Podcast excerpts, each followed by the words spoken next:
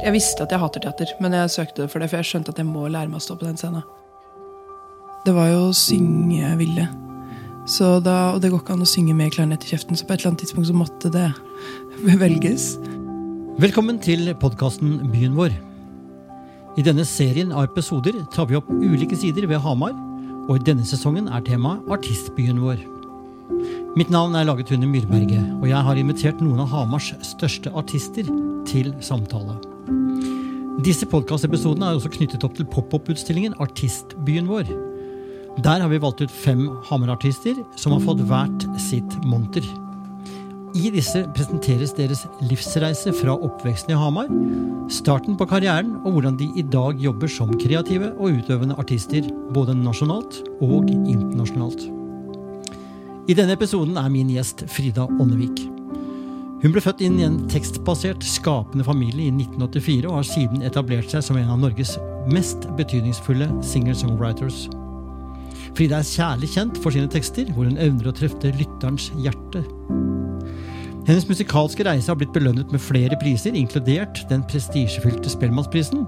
For med en blanding av folk, pop og visesang, så er Frida en unik stemme som evner å være både moderne og tidløs. I dag skal du få være med på en samtale gjennom Frida Åndeviks musikalske verden, hvor vi utforsker hennes tanker og prøver å finne kjernen av hva som skaper hennes kunstneriske uttrykk. Men før vi starter Denne podkasten er produsert av Storyphone AS, og dersom du tenker at dette er bra for byen vår, og har lyst til å være samarbeidspartner eller sponsor, er det bare å ta kontakt med oss. Så her gir jeg dere min samtale med Frida Ånnevik litt sånn eh, tettere på og kjenne litt på hvordan mikken fungerer. Og... Yes. Oh yeah, oh, oh yeah. Nå skal jeg skru av. Det kan vi gjøre, vet du. Um... Det er jo, narrativet er jo Hamar her, da. Ja. Men samtidig liksom, hva man har med seg når man flytter ut i hverdag. Du avslørte jo blant annet med Kåre Magnus at, uh, at nå var det 1-1 Mjøsa-havet. Ja. Uh, ja, men det er det, altså. Det er jo en bor jo ganske lenge i altså nå, Hvor gammel er jeg? Ja, nå har jeg bodd like lenge borte som hjemme. Ja. Straks. Eller jeg har det nå. Så det er på en måte da har han jo rukket å gjort seg litt andre betraktninger enn at det bare er ferskvann som gjelder. Selv om det er det største i Norge? Ja. Lurer på det er 35. det største i Europa. Og det er såpass digert, ja. Ja, det er, ja. Det er svært. Altså. Det er svært. Og jæsla djupt. Ja. Det, jeg kan ikke, denne Fattern har jo skrevet en sang om det, så vi snakker på på veien her. Og den, mm. den, burde jeg egentlig kunne, for det er veldig ryddig. Og liksom, jeg bruker fattern sine låter som sånn mm. allmennkunnskap. Og jeg tror det er sånn han har tenkt òg. Han er pedagog i bunn. Ja. Så det er en måte, hvis jeg glemmer hvem som har gått Åssen var det egentlig med Nansen, og åssen var det der? Da kan jeg bare, da, da bare kan jeg synge for meg sjøl fra Bestar. Nansen gikk på ski over Grønland, Amundsen nådde Polen i sør. Og sånn kan du vinne quizer og sånt. Ved å synge låter til ja? Ja, og det er det samme med Han har den låta hvor han sier hvor djup Mjøsa er, og hvor brei og hvor diger. og sånn. Den burde jeg jo egentlig kunne. For det er sånn, det hadde vært, det hadde vært tøft å kunne. Ja, ikke sant? Ja. Betyr det at eh, tysken din er basert på Øystein Sunde? Eh, den burde vært det. Hvis jeg hadde tatt tysk, så hadde den helt klart vært det. Hjertelig velkommen til denne podkasten, Frida. Takk. Utrolig hyggelig. Vi sitter i Oslo, og den datoen er i dag er 5. oktober. Mm. Så vi skal snakke litt om eh, ja, ditt forhold til Hamar og oppvekst, og hvor du står i karrieren din i livet nå og ser tilbake på Hamar. Altså, hvordan kan måte, Hamar være en del av livet ditt? Det skal vi prøve å finne ut av. da. Mm. Men eh, vi kan jo starte med din musikalske oppvekst på Hamar. da siden mm. musikk er temaet ditt. Og for så vidt også tekst. Eh, mm. Men klarinetten din. Ja. Jeg hadde jo på en måte egentlig ikke noen oppvekst, musikalsk oppvekst på Hamar. Jeg hadde en musikalsk oppvekst i Vang, som da var en ganske annen eller sånn, Før det ble slått sammen? Ja. Mm. og før, eh, Så jeg begynt, jeg begynte i Vang skolekorps og begynte å spille liksom i det lokale eller liksom bygdekorpset. Um, og så flytta jeg over i Hamar ungdomskorps når jeg ble gammel nok. Og det var jo et ypperlig tilbud fordi altså Skolekorpset har jo da alle aldre, som er en veldig god ting. Men så skorter det kanskje litt på etter hvert på eh, ja, hvor bra eller hvor vanskelig materiale du kan spille. og sånn da. At Hamar ungdomskorps ble en sånn trykkoker, for der var alle like gamle. eller sånn, Du var en ungdom, liksom. Og spilte mye vanskeligere repertoar. Og Jeg tror det var det som i hvert fall fikk meg over den korpskneika. Og jeg tror, eller det at Vang skolekorps, de som på en måte bestemte, skjønte det. At jeg kom til å spille begge plasser. Og ellers så kom jeg til å slutte. Eh, så det at huk var en hjem, kjempeviktig eh, sånn overgangs... Eh, ja, å ha en plass å høre til med andre som var samme alder, og som, som ikke vurderte å slutte i korps. liksom. Når alle andre rundt meg falt fra i den magiske korpsknekken fra 12 til 13 eller fra 11 til 12, da ramler folk av. De gjør det? Der ble du stående. Ja, der ble jeg stående. Eh, Tenkte du noen gang at du ville komponere eller skrive musikk for den, den type ensemble? Nei, det har jeg egentlig aldri tenkt. Og jeg har tenkt at eh, klarinetten var Det var artig, men det var jo å synge. Så da, og det går ikke an å synge med klarinett i kjeften, så på et eller annet tidspunkt så måtte det velges. Men jeg, men jeg fikk råd om å velge klarinett når jeg begynte på musikklinja på Stange. Em, og det var jo det en, en gjorde. Og det, hadde, det var nok lurt fordi um, det å komme inn som sanger var vanskeligere. Uh, det å komme inn som blåser og altså Det å måte ikke, ikke bare kaste vekk da så mange år med spilling, da. Og at du har et altså Som korpsmusiker så har du et veldig godt grunnlag teknisk.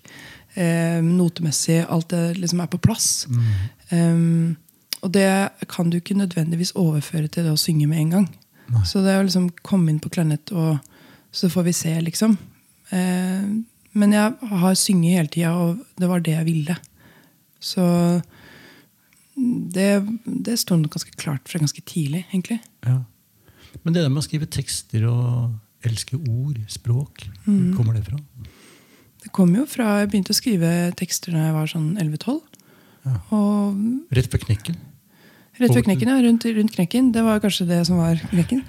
Nei, men det var, Og, og det handler jo kanskje om at hjemme hos oss var det, nat, det var naturlig og helt normalt å skrive sanger.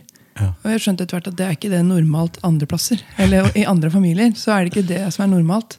Men hos oss var det normalt. Og da er det kanskje kortere vei til å gjøre det. Sånn at det å, ja, men det å gjøre det blir liksom ikke så big deal, liksom.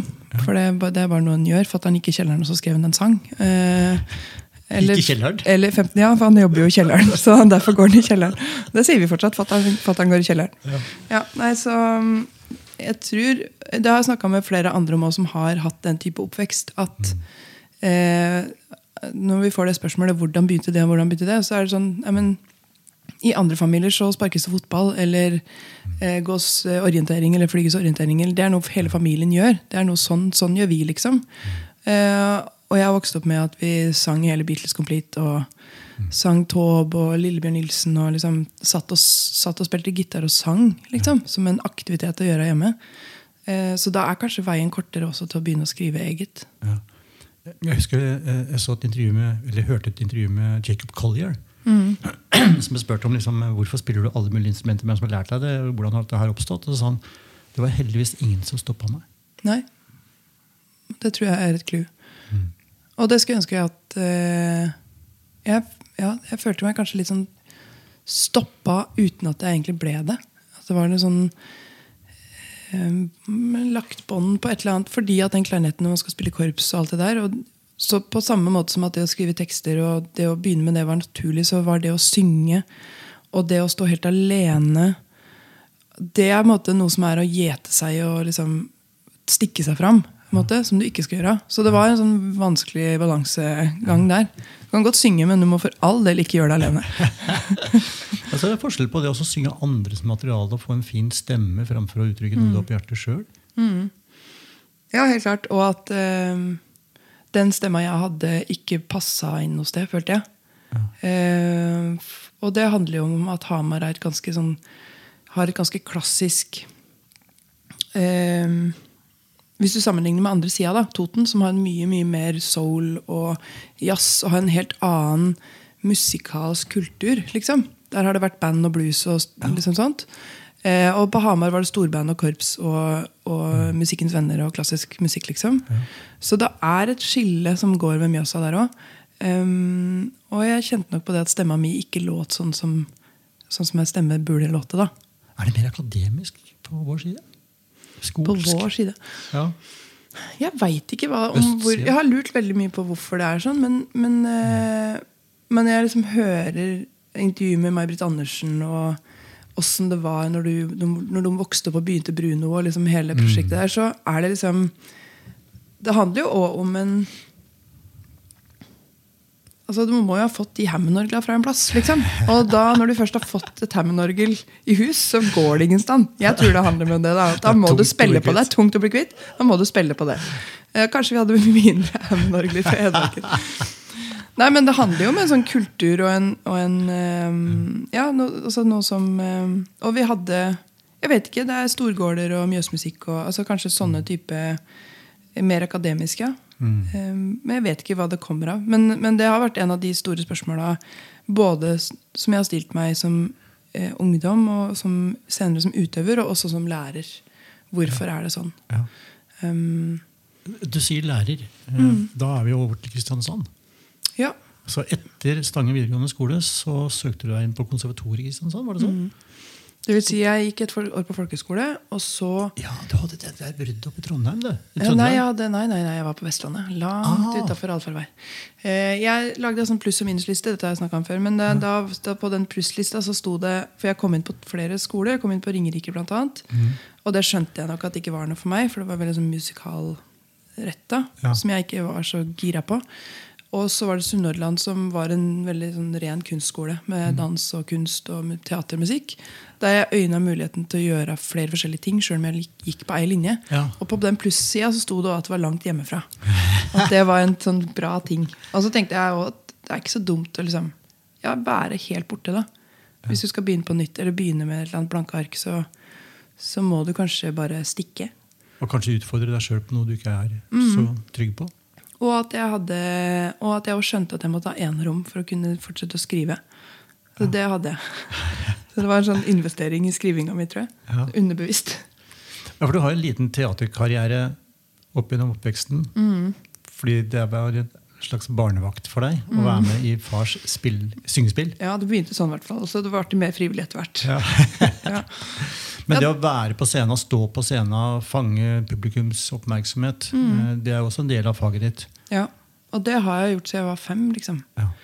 Um, og det å være i en gjeng, i en så uorganisert gjeng som Levende skogen Det var ikke noe sånn påmelding. Det var jo bare at folk ringte til fattern og spurte om er det plass til ungen min nå. liksom. Og sånn er det fortsatt. Ja. Han, han driver med Lucy på hva er det, 36 Jeg vet ikke hvor mange år han har holdt på med, men det er, en imponerende kontinuitet. Ja. Og det er kun rekruttering via eh, at folk ringer og spør er det plass til denne og denne. jeg har igjen. Og så er det søskenprioritet og venneprioritet. Et slags sånn merkelig system. Og nå er det jo unga til vi som var i det vi kaller urskogen. da, Ja. Levende skogen, urskogen, og urreia. Det er unga deres og liksom, som nå befolker Lusereia.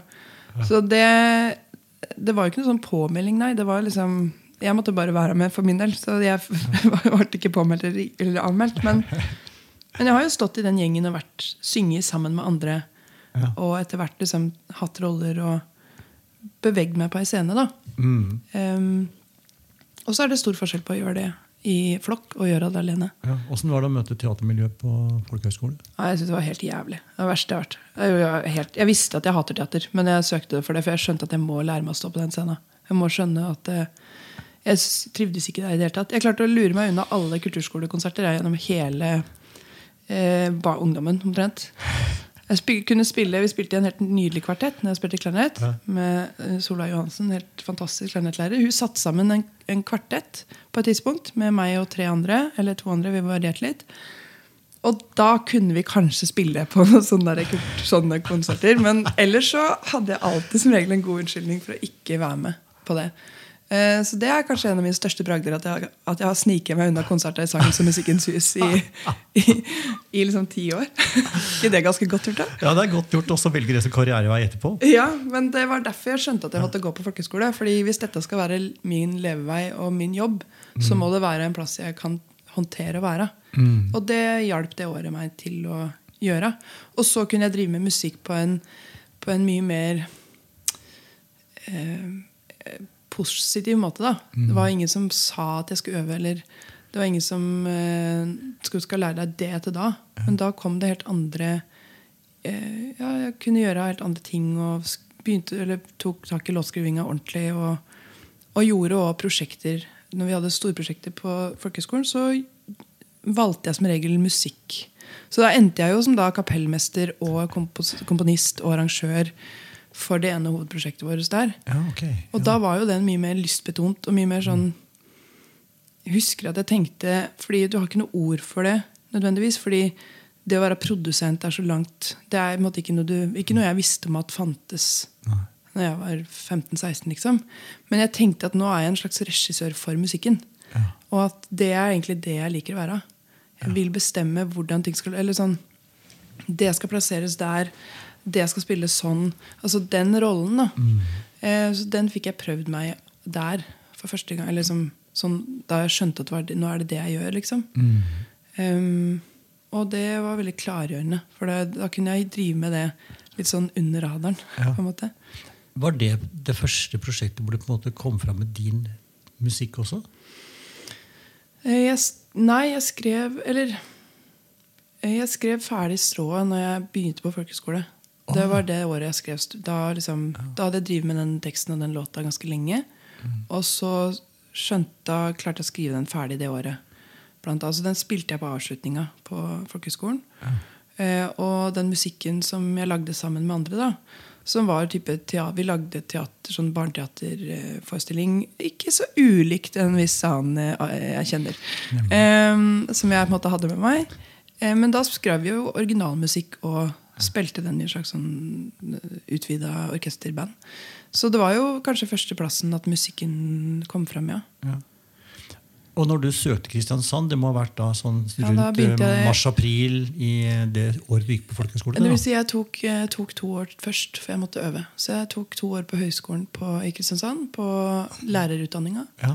Eller ett og et halvt år. Og så søkte jeg konservatoriet for første gang da i, når jeg var ferdig det andre, eller på vei ut av det andre året. Desember, da søker du jo desember, så du må jo vite måte at det er det du skal gjøre. Det er det som er med musikkutdanninger her i Norge. At du må være klar over hva du gjør. Ja. Um, at du må være tidlig ute. Så da Jeg gikk der fra 2004. Søkte da 2000 og, 2005-2006. Eller kom, begynte i 2006, ja. Ja. Så det var på opptaksprøver våren. Og det 2006. repertoaret, var det der du søkte med Prøysen? Mm. Jeg sang Bjarne Bogerud Bakka på opptaksprøve for Solveig Sletteil. Og jeg spilte, fikk være gjest med Solveig Sletteil i sommer. På Veldig veldig koselig på Kongsberg Jazz. Um, spilte, fikk være med å synge hennes ting og noen av mine ting. Og da konfronterte Hun huska ikke det. Eh, så jeg følte, For jeg hadde litt sånn følelse av at det var en slags sånn EU-kontroll. Eller en slags sånn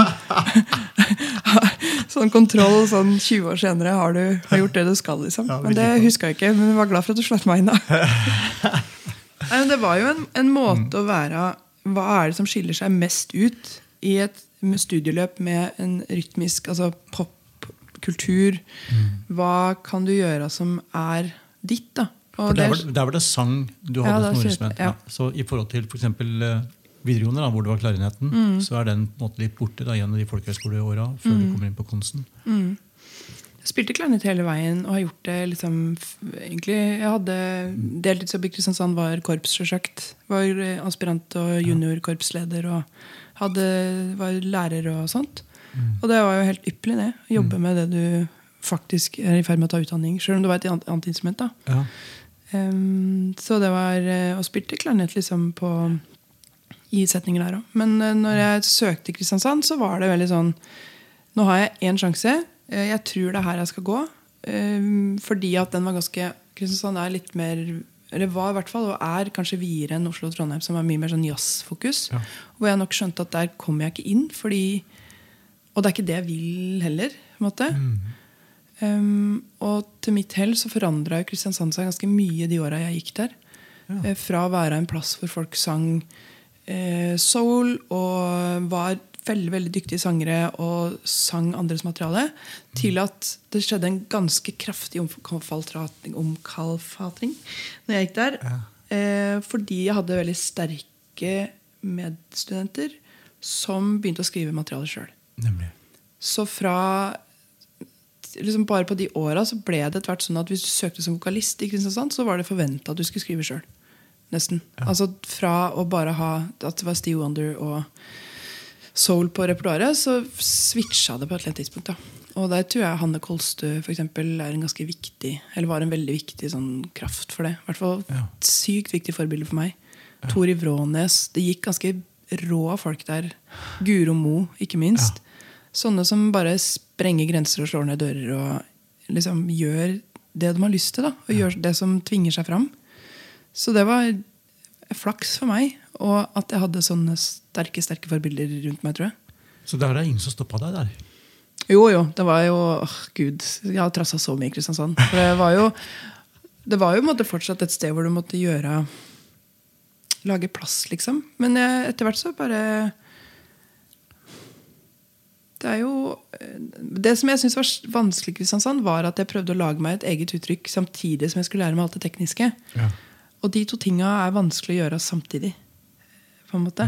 Hvis du gir blaffen i alt det tekniske, så, så kan du på en måte fortsette å gjøre ditt. Men hvis du har et lite sånn snev av Fader, dette burde jeg også fått til. på en måte Eller noe flinkt. Eller, også fordi jeg skjønte at det gagna meg å kunne de tinga.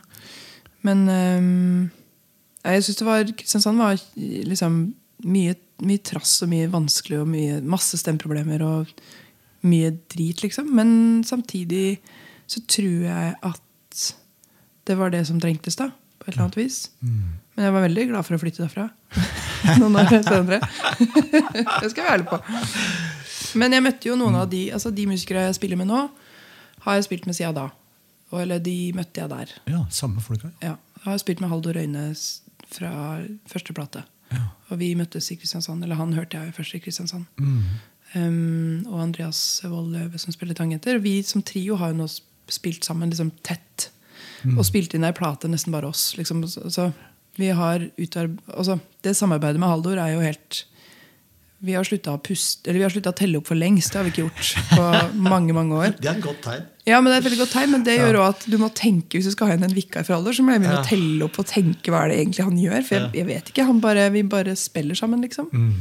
Så sånne Jeg tenkte på det om dagen at for meg som når jeg var 15-16 år, så var mitt største ønske å få spille i band. Måte. Og jeg ah, skjønte ikke åssen jeg skulle få til det. Altså, Åssen i all verden får man spille i et band? Eller når jeg var 14, for den del.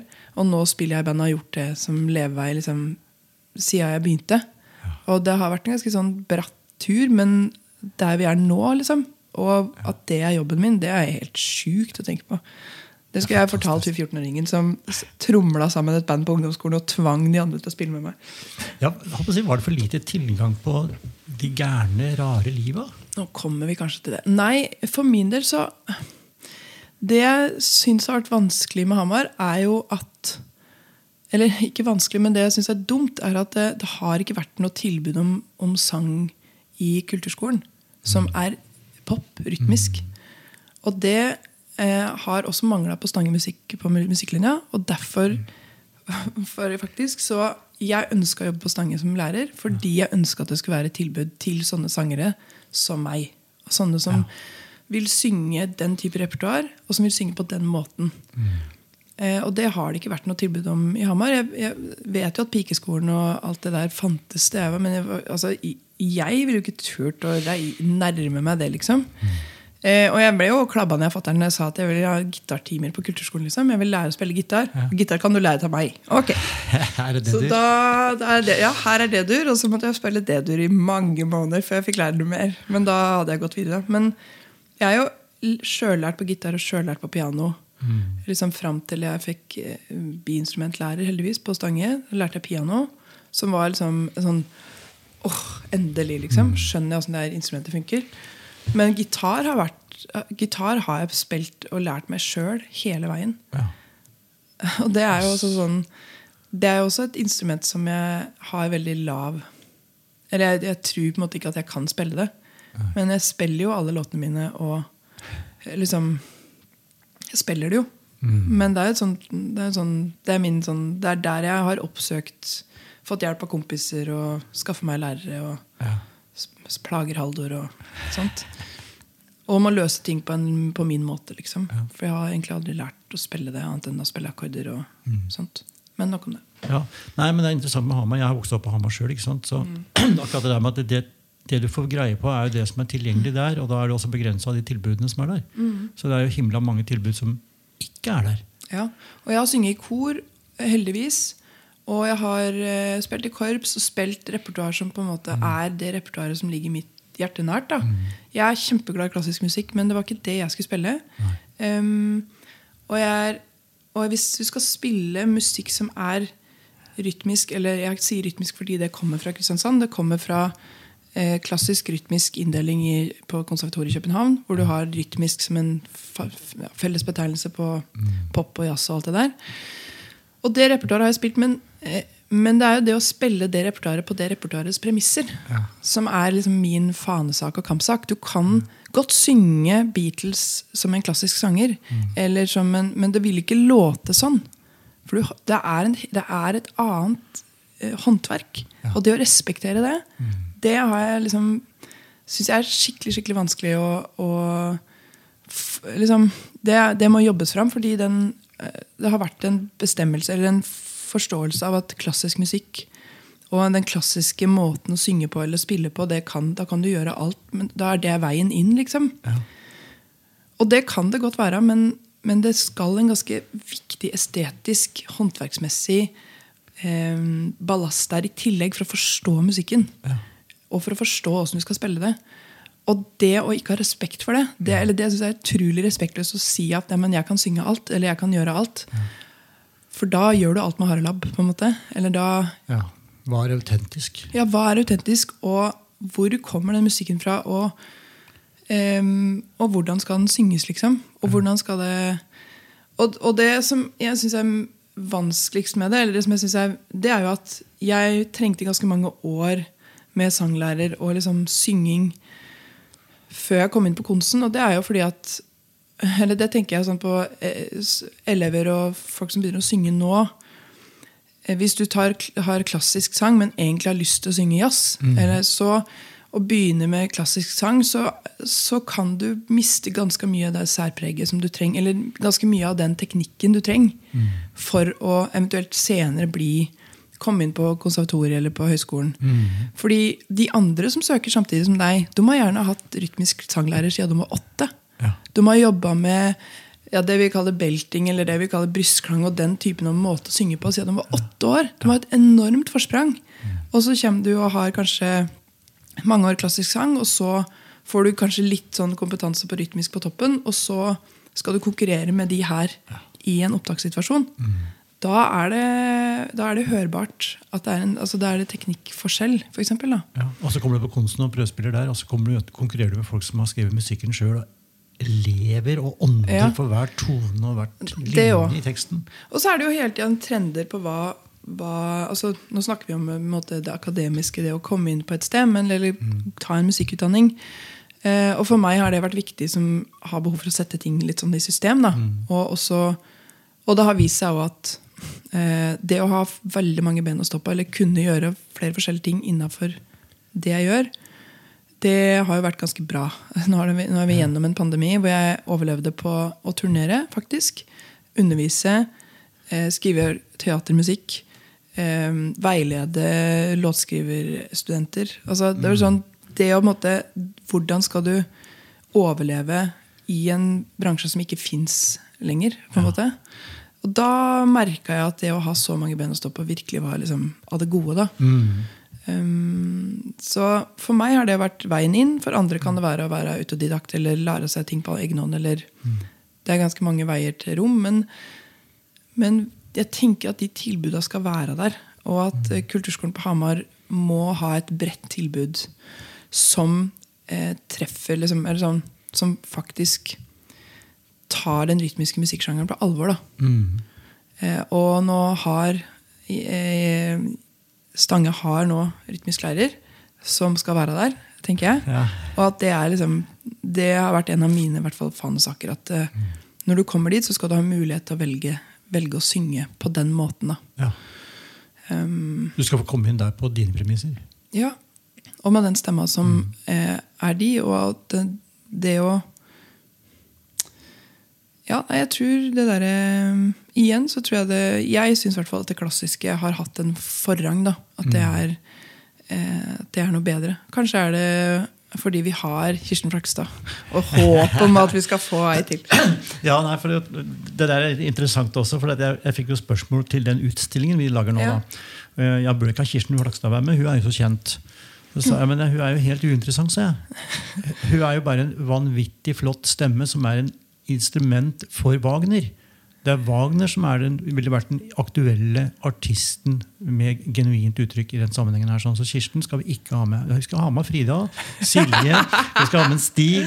Altså, ikke sant? Jeg ville hatt med Kirsten. ja, men Ja. jeg er super, altså, det er sånn Men jeg synes Det kan komme i en annen sammenheng, for det Ja, går på det- håndverk også. Men det, det, å, det å skape og skrive materialet sjøl, ha noe på hjertet som du uttrykker gjennom den virksomheten du har som den form for artist, da, det blir det kunstneriske på en måte åndsverket. Mm. Som vi ønska å løfte fram i den sammenhengen her. da. Ja. Og det er jo Igjen det der med kulturskole og det offisielle, hvor du, hva, så- hva slags ballast du får da, opp igjennom. Så er det jo eh, sånn som det å skjønne åssen skal du bli sangskriver, eller åssen kan du bli produsent, eller åssen kan du bli Det er ingen åpenbare veier til det. Det er ingen, som, det er ingen sånn kulturskole Du kan gå rapp eh, sju timer før jul og åtte timer etter jul. Altså det er jo, Etter hvert vil det komme sånne tilbud som er helt strålende, men du må fortsatt gjøre det. Altså Da vil du få et verksted og et sted å gjøre det. Men um, veldig mye av det her handler om å sitte veldig mye alene og gruble og skrive og tenke. Kanskje finner du én eller to andre som har lyst til å gjøre gruble og snekre sammen med deg. liksom Hvis du har flaks. Men det er, det er ganske sånn en kan ikke skjønne, det, er, det er yrker som en ikke skjønner åssen han blir før han blir det. på en måte. Det er interessant, Jeg nevnte for deg eh, at jeg vært, gjorde noe intervju med Ole Edvard. Det kan du høre på den episoden også, Men han eh, snakket om det å være et premium brand. Og så liksom trakk du deg litt tilbake og sa er ikke alle det, da? Nærmest. Ja, jeg tror jeg bare er, at det er indoktrinert. Ja. Fordi vi får så, eller sånn Men jeg nyanserte litt om på det. da, eh, Ja. altså, Hvor Ole Edvard måtte se bransjemessig og hvilke kundesegment han går mot. Mens, Mm. eh, men, men, men, det der å være en artist i seg selv og, på en måte være premium i kraft av at eh, Stig skriver sitt materiale, du skriver ditt, Silje jobber med sitt materiale, Mm. Terje også. At det på en måte blir eh, en- en sterk identitet da, for også den yrkesmessige utøvelsen dere har. Mm. Og i møte med Altså som musiker og, og øh, skaper, så er det jo ofte i møte med næringslivet at det blir helt sånn For de snakker om sånn eh, innholdsprodusenter, eller lage innhold, eller sånn. Så bare sånn det ligger jo Det er det er på en måte, Innholdet har vi. på en måte, Det er ikke det som er problemet. Eh, så, så det at det er to forskjellige måter å tenke på, da. Eh, og som Ole Edvard, da, som du presiserer, at han har jo noe eget materiale, men han spiller andres i veldig stor grad.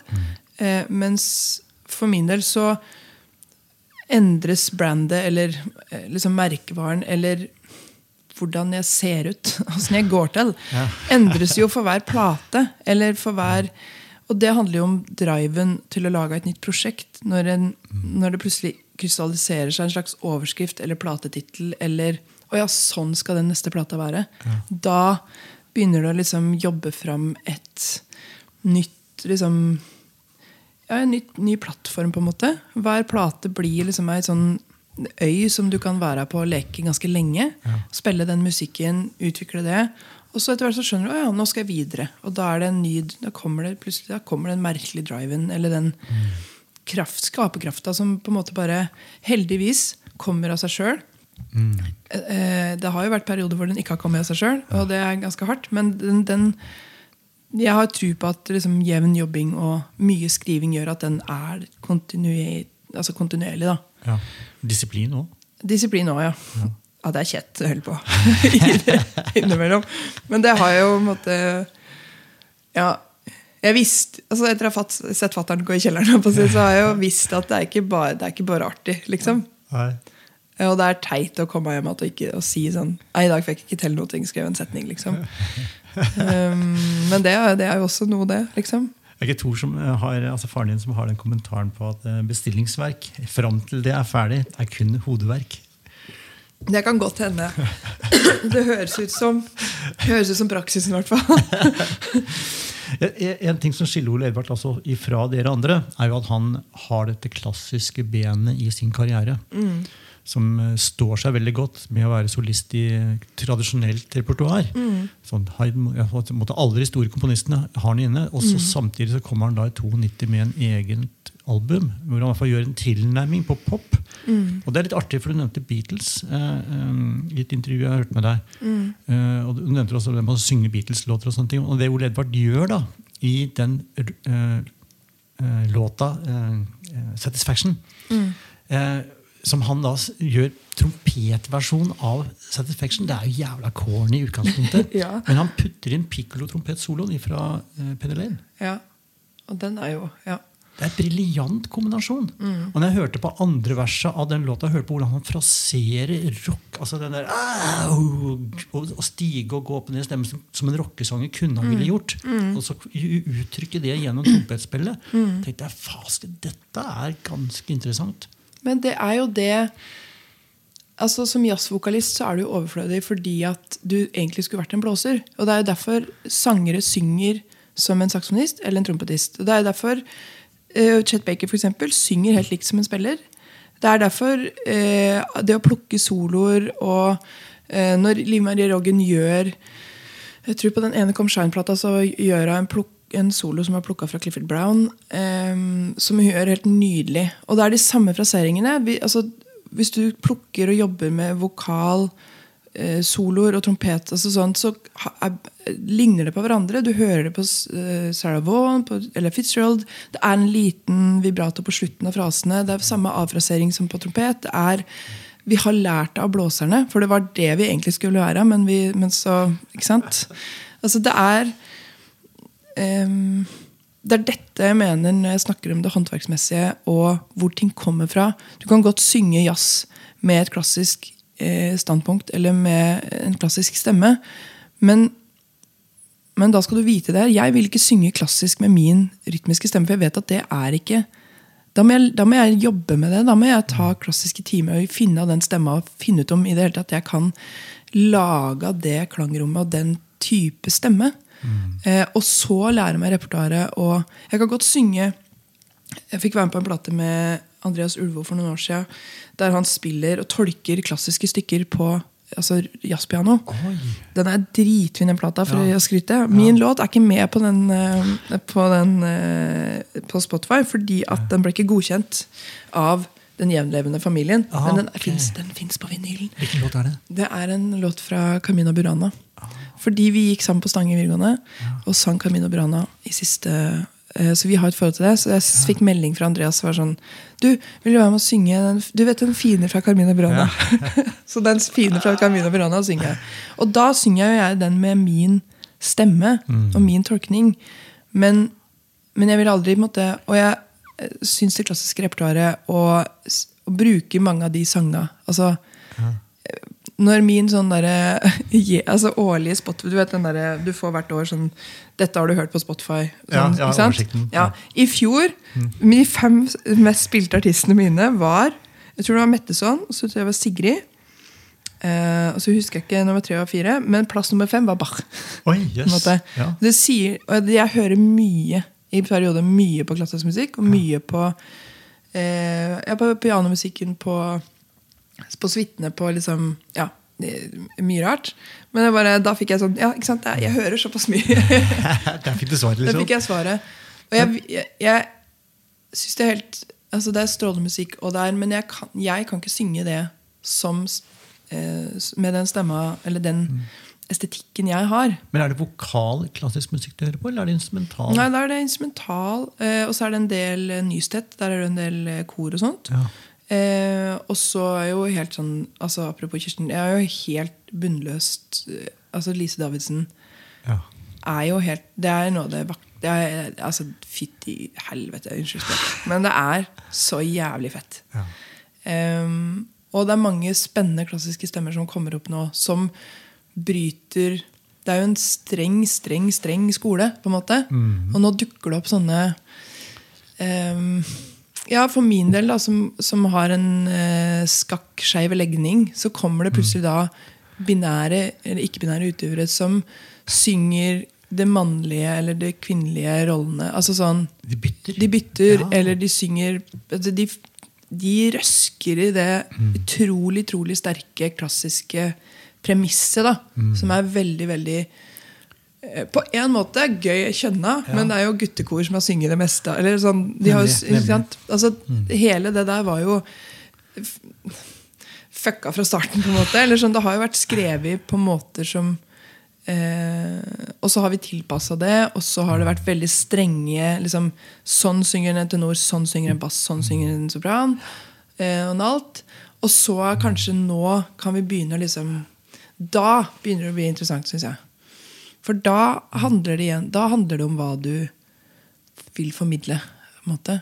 Og hva, hva hjertet begjærer. Hva, hva som skal ut. da Um, og da tror jeg det er plass til flere typer stemmer i, den klassiske, i det klassiske repertoaret. I den klassiske verden. Får meg til å tenke på Glenn Gold og hans tilnærminger. Ja, altså, det er jo helt en annen verden. Ja, og så rabiat, andre tempovalg, Ja. annen måte å frasere på. Mye mer inderlig, tettere inn. Det er jo det, men det er jo det som er gøy med å spille Altså Jeg spiller med veldig forskjellige folk, men det er jo um, Andreas som jeg spiller med, gjorde et prosjekt i Tromsø for noen år siden der han spilte Philip Klass ja. uh, sammen med Arktisk. Og da spilte han jo synt, men da måtte han jo eh, etter det så hørte jeg på Philip Klass i, i ukevis, månedsvis, for det bare, det bare pipla ut. liksom. Og det kommer jo ut i musikken min at han har spilt det repertoaret. Ah. Så det er jo sånn, du får det liksom Og når jeg har spilt eh, eh, innimellom, nå er det lenge siden vi har gjort det, men jeg får jo spille Prøysen med Helge Lien innimellom. Og det er jo sånn, da, da pipler det ut ting etterpå. For det er umulig å ikke Sånne møter med de musikere jeg får spille med, gjør at det liksom Du går ikke uberørt fra det. da Det pipler ut etterpå. Kommer noe, liksom, kommer noen rester etterpå. Du nevner Prøysen. Mm. Eh, Du hadde en lang periode hvor du virkelig gikk inn i det med Prøysen. Mm. Eh, og det var mye av litteraturen der som du også eh, altså du kommenterte på liksom, hvordan han jobba, og når han skrev, og han, hvordan han kobla mennesker han møter, inn i det han leverer bare en time etterpå. Mm. Hvis du ser tilbake på den perioden av Prøysen, har du noe av det samme med deg i din måte du jobber på i dag? Ja, det tror jeg. For at, eh, når vi jobba med Prøysen i 2014, så gjorde jeg veldig mange prosjekter. Jeg, altså det var jubileumsår, og, og jeg var heldig som fikk være med å gjøre forskjellige ting. Men det var òg veldig sånn åpnende som kunstner for meg. Fordi jeg fikk nærstudere en annen kunstner med ikke lik bakgrunn, men, men som jeg i større grad altså Han har alltid vært der, musikken har alltid vært der, teksten har alltid vært der. Men å studere det fra et voksent og et, fra et kunstnerisk ståsted Den reisen han foretok, eh, som er helt vill eh, som Fra husmannsgutt på Rudshøgda, liksom. I tjukkeste, mørkeste skauen. Og også sånn menneskesyn og hva du skal gjøre, hvor på stigen du er. Og, altså Hele samfunnets klassemessige, kunstneriske en slags sånn grøt som er helt umulig å koble altså, Du kan ikke finne ut av hva de ulike ingrediensene er, men du kan skjønne at dette er Når den kraftsalva der da først har toget til byen, så er det ikke så rart at det ender i noe som er et av de viktigste for- forfatterskapene og kunstnerskapene i norsk, i norsk eh, historie. liksom. Så det å jobbe på Prøysenhuset og kjenne på litt det samme Fordi vi gjorde en scenekunstforestilling der med Guro Skomsnes Moe og Marte Reithaug og Astrid Groseth og meg. Og vi var de rare. På en måte. Det var hele altså, Vi kunne gjort hva som helst. For vi var der for å Eller jeg skjønte i hvert fall det liksom, underveis og i ettertid at vi er her for å være rare. Sånn var det å være Prøysen. liksom. Altså, du er rar uansett hva du gjør. Selv om vi gjør helt vanlige ting, så er vi rare. Fordi det står den merkelappen på deg.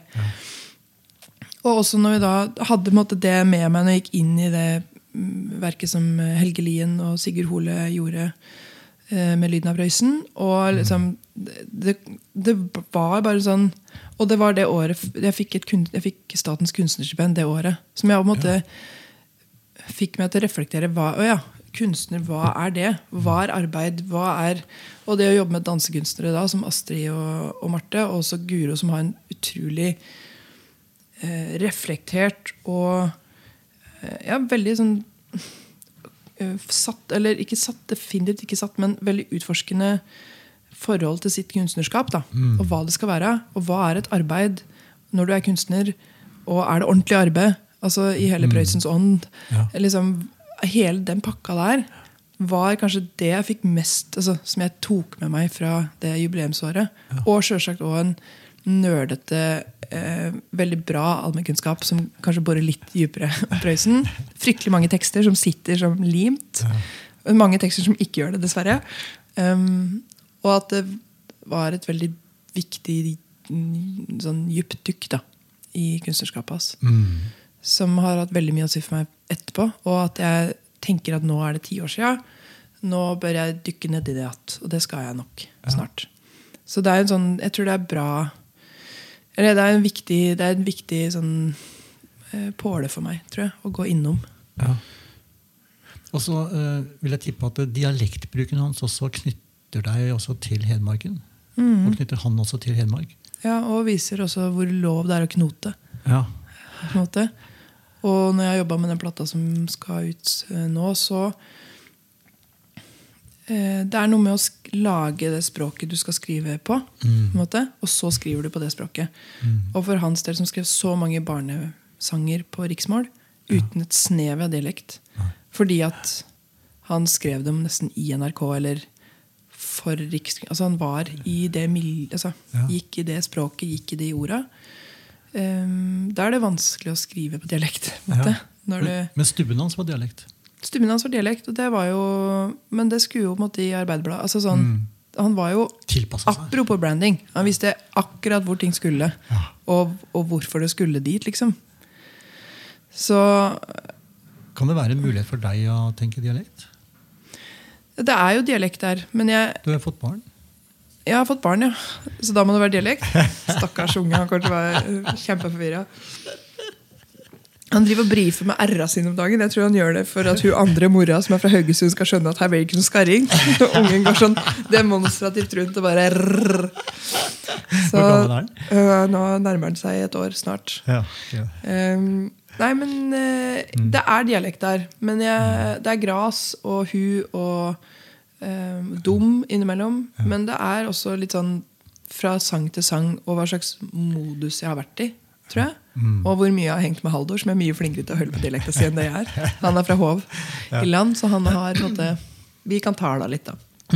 Men det er eh, Nei, det er et språk som må lages, og så må jeg skrive på det språket. Ja. Så du får høre da på sikt når plata kommer om det er. Den, altså, det er jo, den siste singelen heter jo 'Alt du trenger', så der er det har jeg kutta en ER i presens. måte. Så da syns jeg at jeg er innafor. Da, da skjer det noe. Det er, eh, jeg bare begynte å tenke i huet mitt akkurat nå, for Du har jobba med å omskrive tekst. Eh, ta andres håndsverk og prøve å gjøre det til ditt. Eh, Hamarsangen. Einar Skjærhalsen. Vi hilser deg, han. Den. Ja. Vår by som forener. Hvorfor må den skrives om, da? Den er så gammeldags i språkformen. Nei, Det får fatter'n ta oss. Han har jo skrevet 'Hamar alle tiders by'. Det får holde. Det er vårt det er familiens bidrag. Det fordi det skal være byjubileum neste år. Ja, 2024. jeg, jeg har skjønt dette. 175 år, så de eh, driver og graver i materialet for å finne fram hva som er blitt gjort. Og, Ja. og den ser, sånn historisk, da, det er lite originalt skrevet kompositorisk og i Hamar. ja. Eh, og hvor man liksom kommer oppover i historien og så går nærme seg liksom når Thor, fordi far ble født uh, og begynte å virke. Og da er det jo liksom han som teppelegger på en måte området og regionen med sanger og tekster tilegna seg. da. ja. Men det er lite av eh, andre som har gjort noe lignende. Mm. Men samtidig så tenker jeg kanskje at det er, kanskje det er spor av det lyriske, eller av minner eller av levd liv i det du og Silje og Stig og Terje jobber med. Mm. Tror du det er noe sånt? Ja, det tror jeg. Og så tror jeg den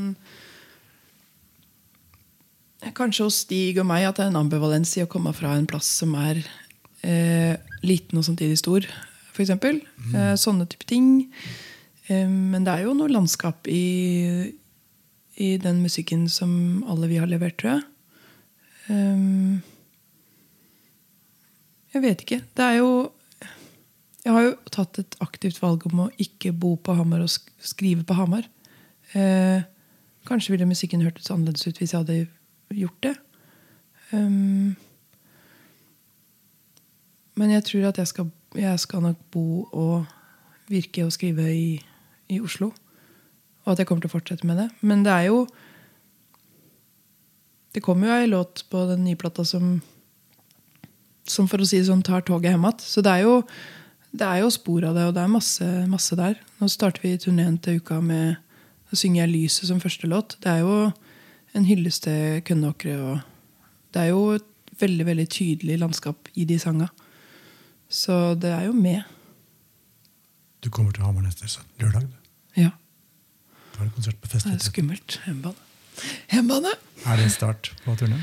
Nei, vi begynner heldigvis før det. sånn at vi har spilt oss litt inn før, før, vi, før vi kommer til Hamar.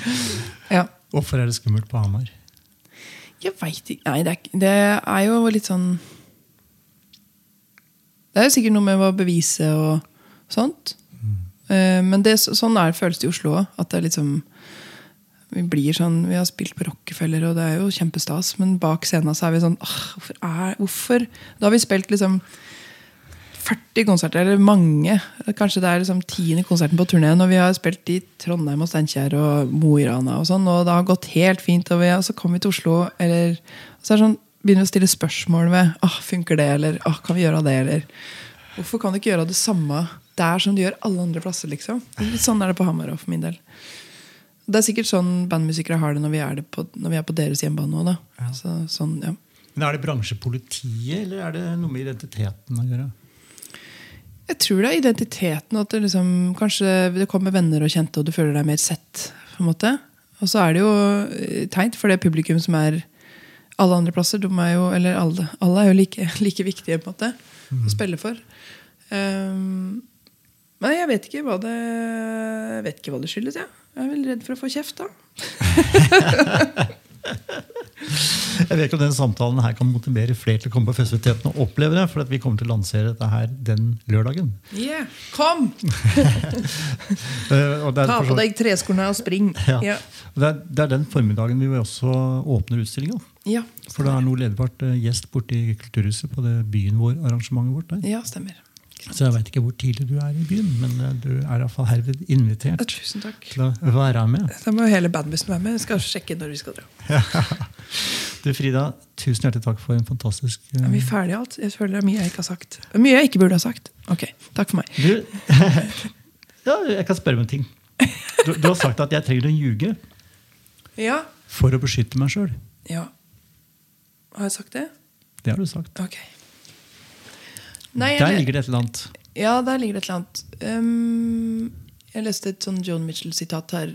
Og det handler jo om at uh, i en, en annen kjepphest som jeg uh, sikkert har fra hun, at det er jo det er jo ikke dagboka eller terapien som uh, vi skriver ut i sanga. på en måte. Det er jo, Når jeg får det spørsmålet, så blir jeg sånn Er dette dagboka eller er dette terapi? eller er dette, Det er jo ikke det. Det er et forsøk på kunst. Eller det er kunst. Og det er noe annet.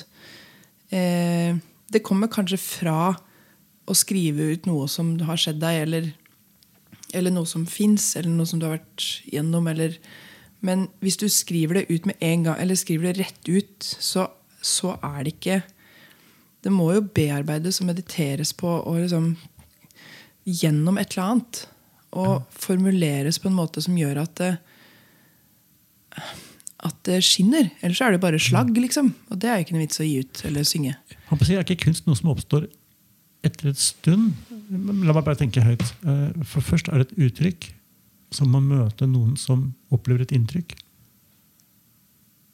Og så blir det verdiskaping. Ja, det må i hvert fall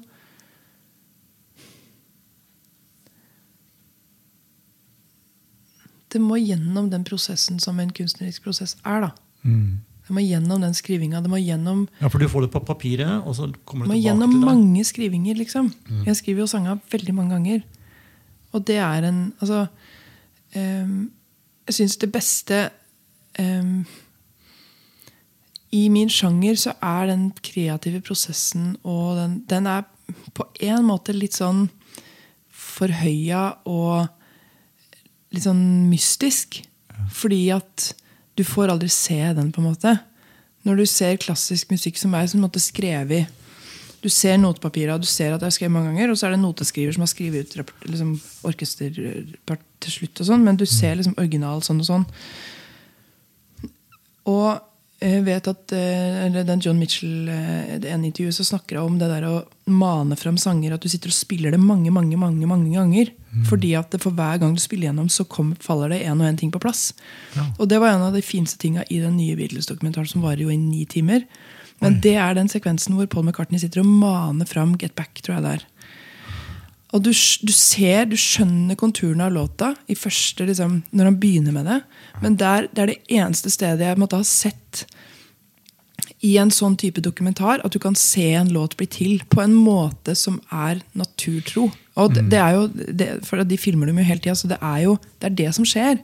Og det tror jeg ikke har vært vist på den måten, i hvert fall som jeg har sett. da, På en så vellykka måte. Og at et kamera kan dvele, har, har tålmodighet å dvele, eller penger nok til å dvele ved en prosess så lenge at du får se en låt bli til fra start til slutt. Og det får du i den dokumentaren. Eh, og det syns jeg tar på, på en måte ned den, den prosessen. Fordi alt er inni huet eller et eller annet. Det er liksom innen rekkevidde. Sånn føles det å skrive sanger. At det, det, er, det er rett der, liksom. Men det må synges og testes eller prøves liksom mange ganger, så plutselig så faller på plass. Og som regel så stokker opptakeren på akkurat da. Det er også en slags Murphys hemmelige lov. Ja, den er feil. Den er Da har du akkurat skrudd av, for du skulle bare sjekke et par ting. Ja. Og så må du huske det, og så er det borte. Sånn holder vi på, da. Jeg husker eh, konteksten jeg tok det, den uttalelsen din ifra. Det var i forhold til eh, når kunstnere eller artister skriver noe basert på hva de selv har opplevd. Hvor du må strekke strikken for langt for å oppleve ting for å kunne skrive om ting. Ja. Det var litt i den konteksten Ja. hvor du da heller velger å ljuge Ja. for å beskytte deg sjøl mot for sterke opplevelser. ja, men det er veldig bra å slippe. Jeg er ikke oppe altså jeg går, nå, går, nå er jeg jo småbarnsforelder, så går og legger meg klokka ni. Så nå, det som skjer etter ni, det, har jeg, det aner jeg ikke hva er. Så, eh, så ja, men det er jo også en sånn Det er jo det som er fantasien, da. Å, å kunne skrive noe uten at du har opplevd det, eller å kunne oppleve noe og skrive om det på en måte som gjør at andre finner at seg sjøl i det. Um, og skrive det på en måte med ord og i ei tone eller i en takt og en stemning, og klare å fange Fange det, og så gjengi det. Um, og da er det nok ganske langt fra utgangspunktet når det kommer ut. Men det er ikke dermed det er nok bedre og ikke dårligere. på en måte. Um, så den ljuginga, den er jo Det er jo det jeg lever for. Nå har vi fått på plass sånn at vi skal ha dagmamma for ungen. Så nå ser jeg for meg at jeg skal få noen dager, om ikke så lenge, hvor jeg kan sitte og ljuge litt. At helt alene. Det blir fint. Gleder oss til å høre det. Ljuginga. Ja. Det blir noe fantasiaktig også over det å ljuge. Altså du kan velge hva du vil ljuge om. Ja. Og så velger du åssen fortelling det skal være. Og hva, hva er det magen og hjertet vil si? Det er kanskje ikke det som skjedde i, i når det skjedde deg, eller når det skjedde noe du kjenner, eller, eller i den Men men hvis du skal synge det, og det skal være ekte og, og helt ærlig og rett fra, eh, fra hjertet og magen, så, og du skal gjengi den stemninga på konsert etter konsert eller på plate eller når du synger det, så, så må du kunne kjenne det i kroppen da, Ja. eh, når du gjør det. Um, ja. Du kommenterte før vi begynte å gjøre opptak øh, på det nye med materialet til Stig Brenner. ja. At du følte at du liksom så at det var jævla en god retning. Ja, jeg ble veldig sånn Når jeg skrudde på den, første, den plata, så ble jeg liksom Nå skjønner jeg For jeg har, måte, jeg har jo hørt på det før, og så har jeg på en måte kanskje ikke helt fått tak i det, men nå bare skjønte jeg det med en gang. Fra første tone, liksom. Det var, det er, sånne type kunstneriske møter er jo Eller sånn åh, yes, nå har jeg en ny plate å høre på som jeg kan være i. Fordi den prater til meg. Det er jo situasjonen og alt, men sånn, sånne møter med musikk er jo det jeg brenner for fortsatt. Å oppdage musikk sånn som du gjorde når du var 14-15, eller Jeg husker jo eh, sånn som jeg hørte på Kattultplata. Den, eh, den blå Kattultplata. Det er det bare sagnomsuste bandet fra Elverum. Som var et band. Som jeg jo drømte om å være. Eh, altså den Jeg fant at den plata, den CD-en altså Den har så mange hakk. For den var, med, den var jo i Discmanen og var med og gikk fra Hamar stasjon til Ridabu. Ja. På vei til og fra når bussen slutta å gå på kvelden. Når jeg hadde vært på Stang videregående Og bussen, eh, bussa på Hamar har jo aldri korrespondert. Kommer aldri til å gjøre det. Så da blir det en ganske lang gåtur i 8 minus. Og da, den plata der og den Discmanen, de skal, de skal ha takk for at det holdt ut. det var, det var sånne, sånne møter. Og det å, ja, sånn var det å, å trykke på den plata til, til Stig. At det liksom bare Yes, sånn. Og når jeg har sett eh, liksom, Jeg har ikke fått sett den live fordi jeg har hatt et, hatt et mammaår. Men det er noe med bare Det er artig å se at folk finner en retning for seg sjøl. Liksom, du kan se driven, liksom. Og hvor det skal. Det er sjukt imponerende og veldig inspirerende. Jeg var jo i Spektrum og så Stig eh, med det store showet sitt. Det var utrolig sterkt. Han alene på den scenen med de 6500 menneskene i salen som kan tekstene, synger med han, og han har det med sin hule hånd. Samtidig som han bare går rundt med mikken og spytter de orda inn, og de treffer alle sammen. Jæskla svær eh, scenografi. Et svært isfjell som på en måte var der Ja, det åpna seg på ulike ja. måter. Ja, det var Det er gøy, da. det er storformat å tenke så svært. Det er teater. Ja, det er teater, og det er jo en helt altså, Å tenke så visjonært rundt sin egen altså, Musikken i midten, og så bare får det vokse, liksom. Ja. Det er jo Ja. Det er noe tiltrekkende ved det å klare å kle det og, og klare å stå i det sjøl. At det ikke blir for digert. At du ikke klarer å bære det Ja, eh, i midten. ja det er en fare. Ja. Det er jo en sånn Det tenker jeg ofte på at den En av de viktigste musikalske øyeblikkene mine fra, som oppvåkning, det var at eh, pappaen til Karen, tror jeg det var Vi spilte, var jo en vennegjeng og spilte i korpset og gikk på videregående på musikklinja sammen og tilbrakte mye tid sammen.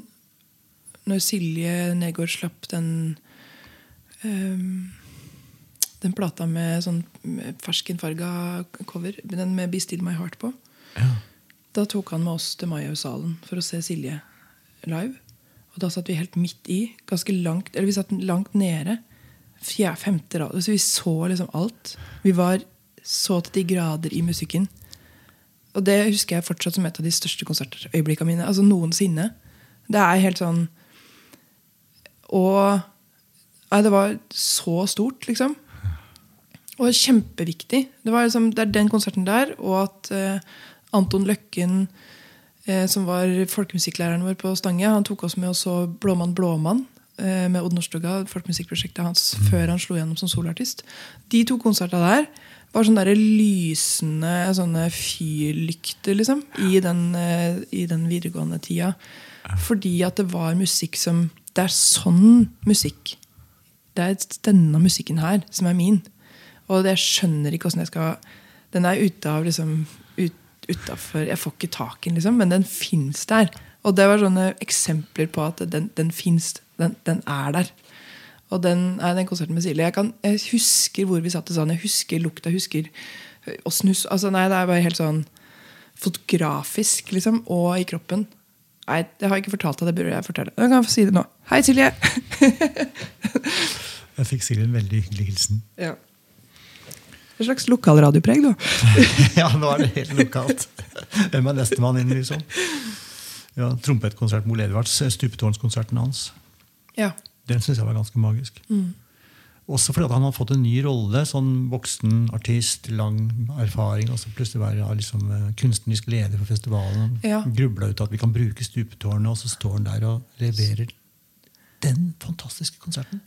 Det er det som er fascinerende med, med han, syns jeg. At han klarer å være både utøver og Det er mange som er gode utøvere, mange som er flinke altså sånn, Men det er ikke så mange som klarer begge de rollene. Det er jævlig mange hatter i denne bransjen. Og det å klare å ha så tydelighet i rollene sine og vite hvor de grensene går, eh, og håndtere det, det syns jeg han er dritgod på. ass. For det er vanskelig. Ja. Og dirigent. Og dirigent. Det også er helt crazy. Eh, Luftforsvarets musikkorps oppe i Trondheim, for eksempel, som man leder i flere år. Og utvikler. Ikke bare det. Fun fact. Det kan også høre i podkasten min. vi snakker om det med forretningsmodeller. og sånne ting, men det er, Han flytta finansieringen av det orkesteret fra Luftforsvaret til armeen. tror jeg det var. Så det, det handla om hvor budsjettposten lå, og ansvaret var. Ja. Og det å få flytta det orkesteret da, slik at du sikrer driften på andre premisser, så du ikke er så trua for nedleggelse. For det er de jo stadig vekk. Ja. Da, da ser du ting som er langt utafor å være best på å spille Haydns trompetkonsert. Ja, og så ser Kanskje du, Men det er jo også liksom musikken i et samfunnsperspektiv. Fordi hver gang de truer med å legge ned ei MDD-linje eller et forsvarskorps, eller så eh, tenk, altså De som sitter og styrer dette, tenker sånn Ja, da forsvinner det. Men det er ringvirkninga av Da forsvinner trompetlæreren i kulturskolen. Ja. For da må han eller hun flytte en annen plass. For det ikke, du, kan både, du kan ikke bare undervise der. Du må spille i det forsvarskorpset eller Altså eh, Hva de MDD-linjene og Forsvarskorpset og Kulturskolen har å si for hvilke kunstnere og hvilke utøvere som er i et område, er helt livsviktig. Og det, det skjønner du ikke før det er borte. Prøv å ta bort Teater Innlandet og Hamar kulturhus i dag. Det, det er en spennende tanke. ja. Da skjønner du hvor viktig det er å satse på kultur og legge til rette for det. Mm. Trolig mye betydning. Og Kipperstuen-familien også, for eksempel. På, Altså, den, altså den klanen der, den ja, Nei, må ikke finne på. Nå er vi i gang. Da forsvinner det tentakler langt inn i Ja. Fy flate, altså. Men det er jo eh, det, er, det er sånne diskusjoner som jeg måte, egentlig ikke gidder å ta. Fordi sånne synspunkter om hva slags om hva du kan legge ned, og hvilke penger du kan spare, sånn, som kommer, det, det, kommer fra, det kommer fra økonomer. Beklager, men det har Dere vet ingenting, liksom. Og, og det er jo Vi som utøvere og kunstnere er naive fordi vi jobber mye gratis, og fordi vi liksom Men det er jo også et bidrag til, til samfunnet og til altså, å ville lage rom som vi kan være i sammen. Og, og jobbe i og være i og trives i og møtes. da. Ha, som jeg tenker er enda viktigere nå, kanskje òg, der vi liksom adopterer en slags kulturkrig. Og hisser oss opp for, for eh, små og store ting. da. Så er nettopp det at du har sånne kippersunder som lager kulturrom og liksom holder koken og lager produksjoner og lager ting for andre. Ja. Det, det er en pris på det, og så er det den prisen som du ikke kan tallfeste. Jeg kom på et prosjekt som jeg jobber med nå. ehm, Det handler om Mjøsaksjonen. Og en podkastserie knytta til det. Eh, og når man liksom begynner å se på det historiske spennet i Mjøsa 8000 år tilbake til liksom, hva Mjøsa ble brukt til den gangen opp gjennom tusener av år, som ferdselsåret, for det var ikke veier rundt ellers. Og så, og så kommer det liksom opp i moderne tid og industrialiseringa, og så inn mot da, at forurensninga og forbruket i samfunnet, og man dumper ting i Mjøsa, algevekst fra kunstgjødsel i jordbruk, liksom alle disse tingene, hvordan ting henger sammen. Ja. Og så er det to sånne kulturindikatorer som dukker opp. Da. Det ene er liksom svanemerking av eh, vaskemiddel. er viktig, liksom. Vi må se etter det. Ja, Men umiddelbart tenker jeg på Den hvite svane, ja, som seiler på Mjøsa. Og har gjort det i 150 år ish. ja. Og det andre jeg tenker på, er jo den andre som har sagt 'vi seiler på Mjøsa'. Alf Prøysen. ja. Så hvor mye kulturarv og kunsten betyr for at vi, de setter ord på eller former noe som vi kan bruke i dagliglivet vårt. Som ikke eksplisitt sier hva Mjøsa er som ferskvannsåre eh, for oss Ja. for å overleve. Og hva det betyr som landskapsdefinisjon av å høre til et sted ved å se Mjøsa. Men så seiler vi på Mjøsa. Eller Den hvite svanen. Eller den umiddelbare blå feelinga du får av setningen 'feil side av Mjøsa i buss'. Altså, fins det, noe tri altså, det, er noe av det, det er noe av det blåste som fins, syns jeg. Det er helt på høyde med Blue av John Mitchell. Ja, vi trenger kunst. Ja. Frida, for andre gang. Vi prøver igjen. Ha det! Ha det! Takk for at du har hørt denne episoden av Byen vår. En spesiell takk til Frida Åndevik for å bidra med sin historie. Episoden er produsert av Storyphone, og du kan høre flere episoder der du lytter på podkaster. Dersom du tenker at dette er et spennende tilbud for byen vår, så kan du ta kontakt og bli med som samarbeidspartner og sponsor. Vi høres i neste episode.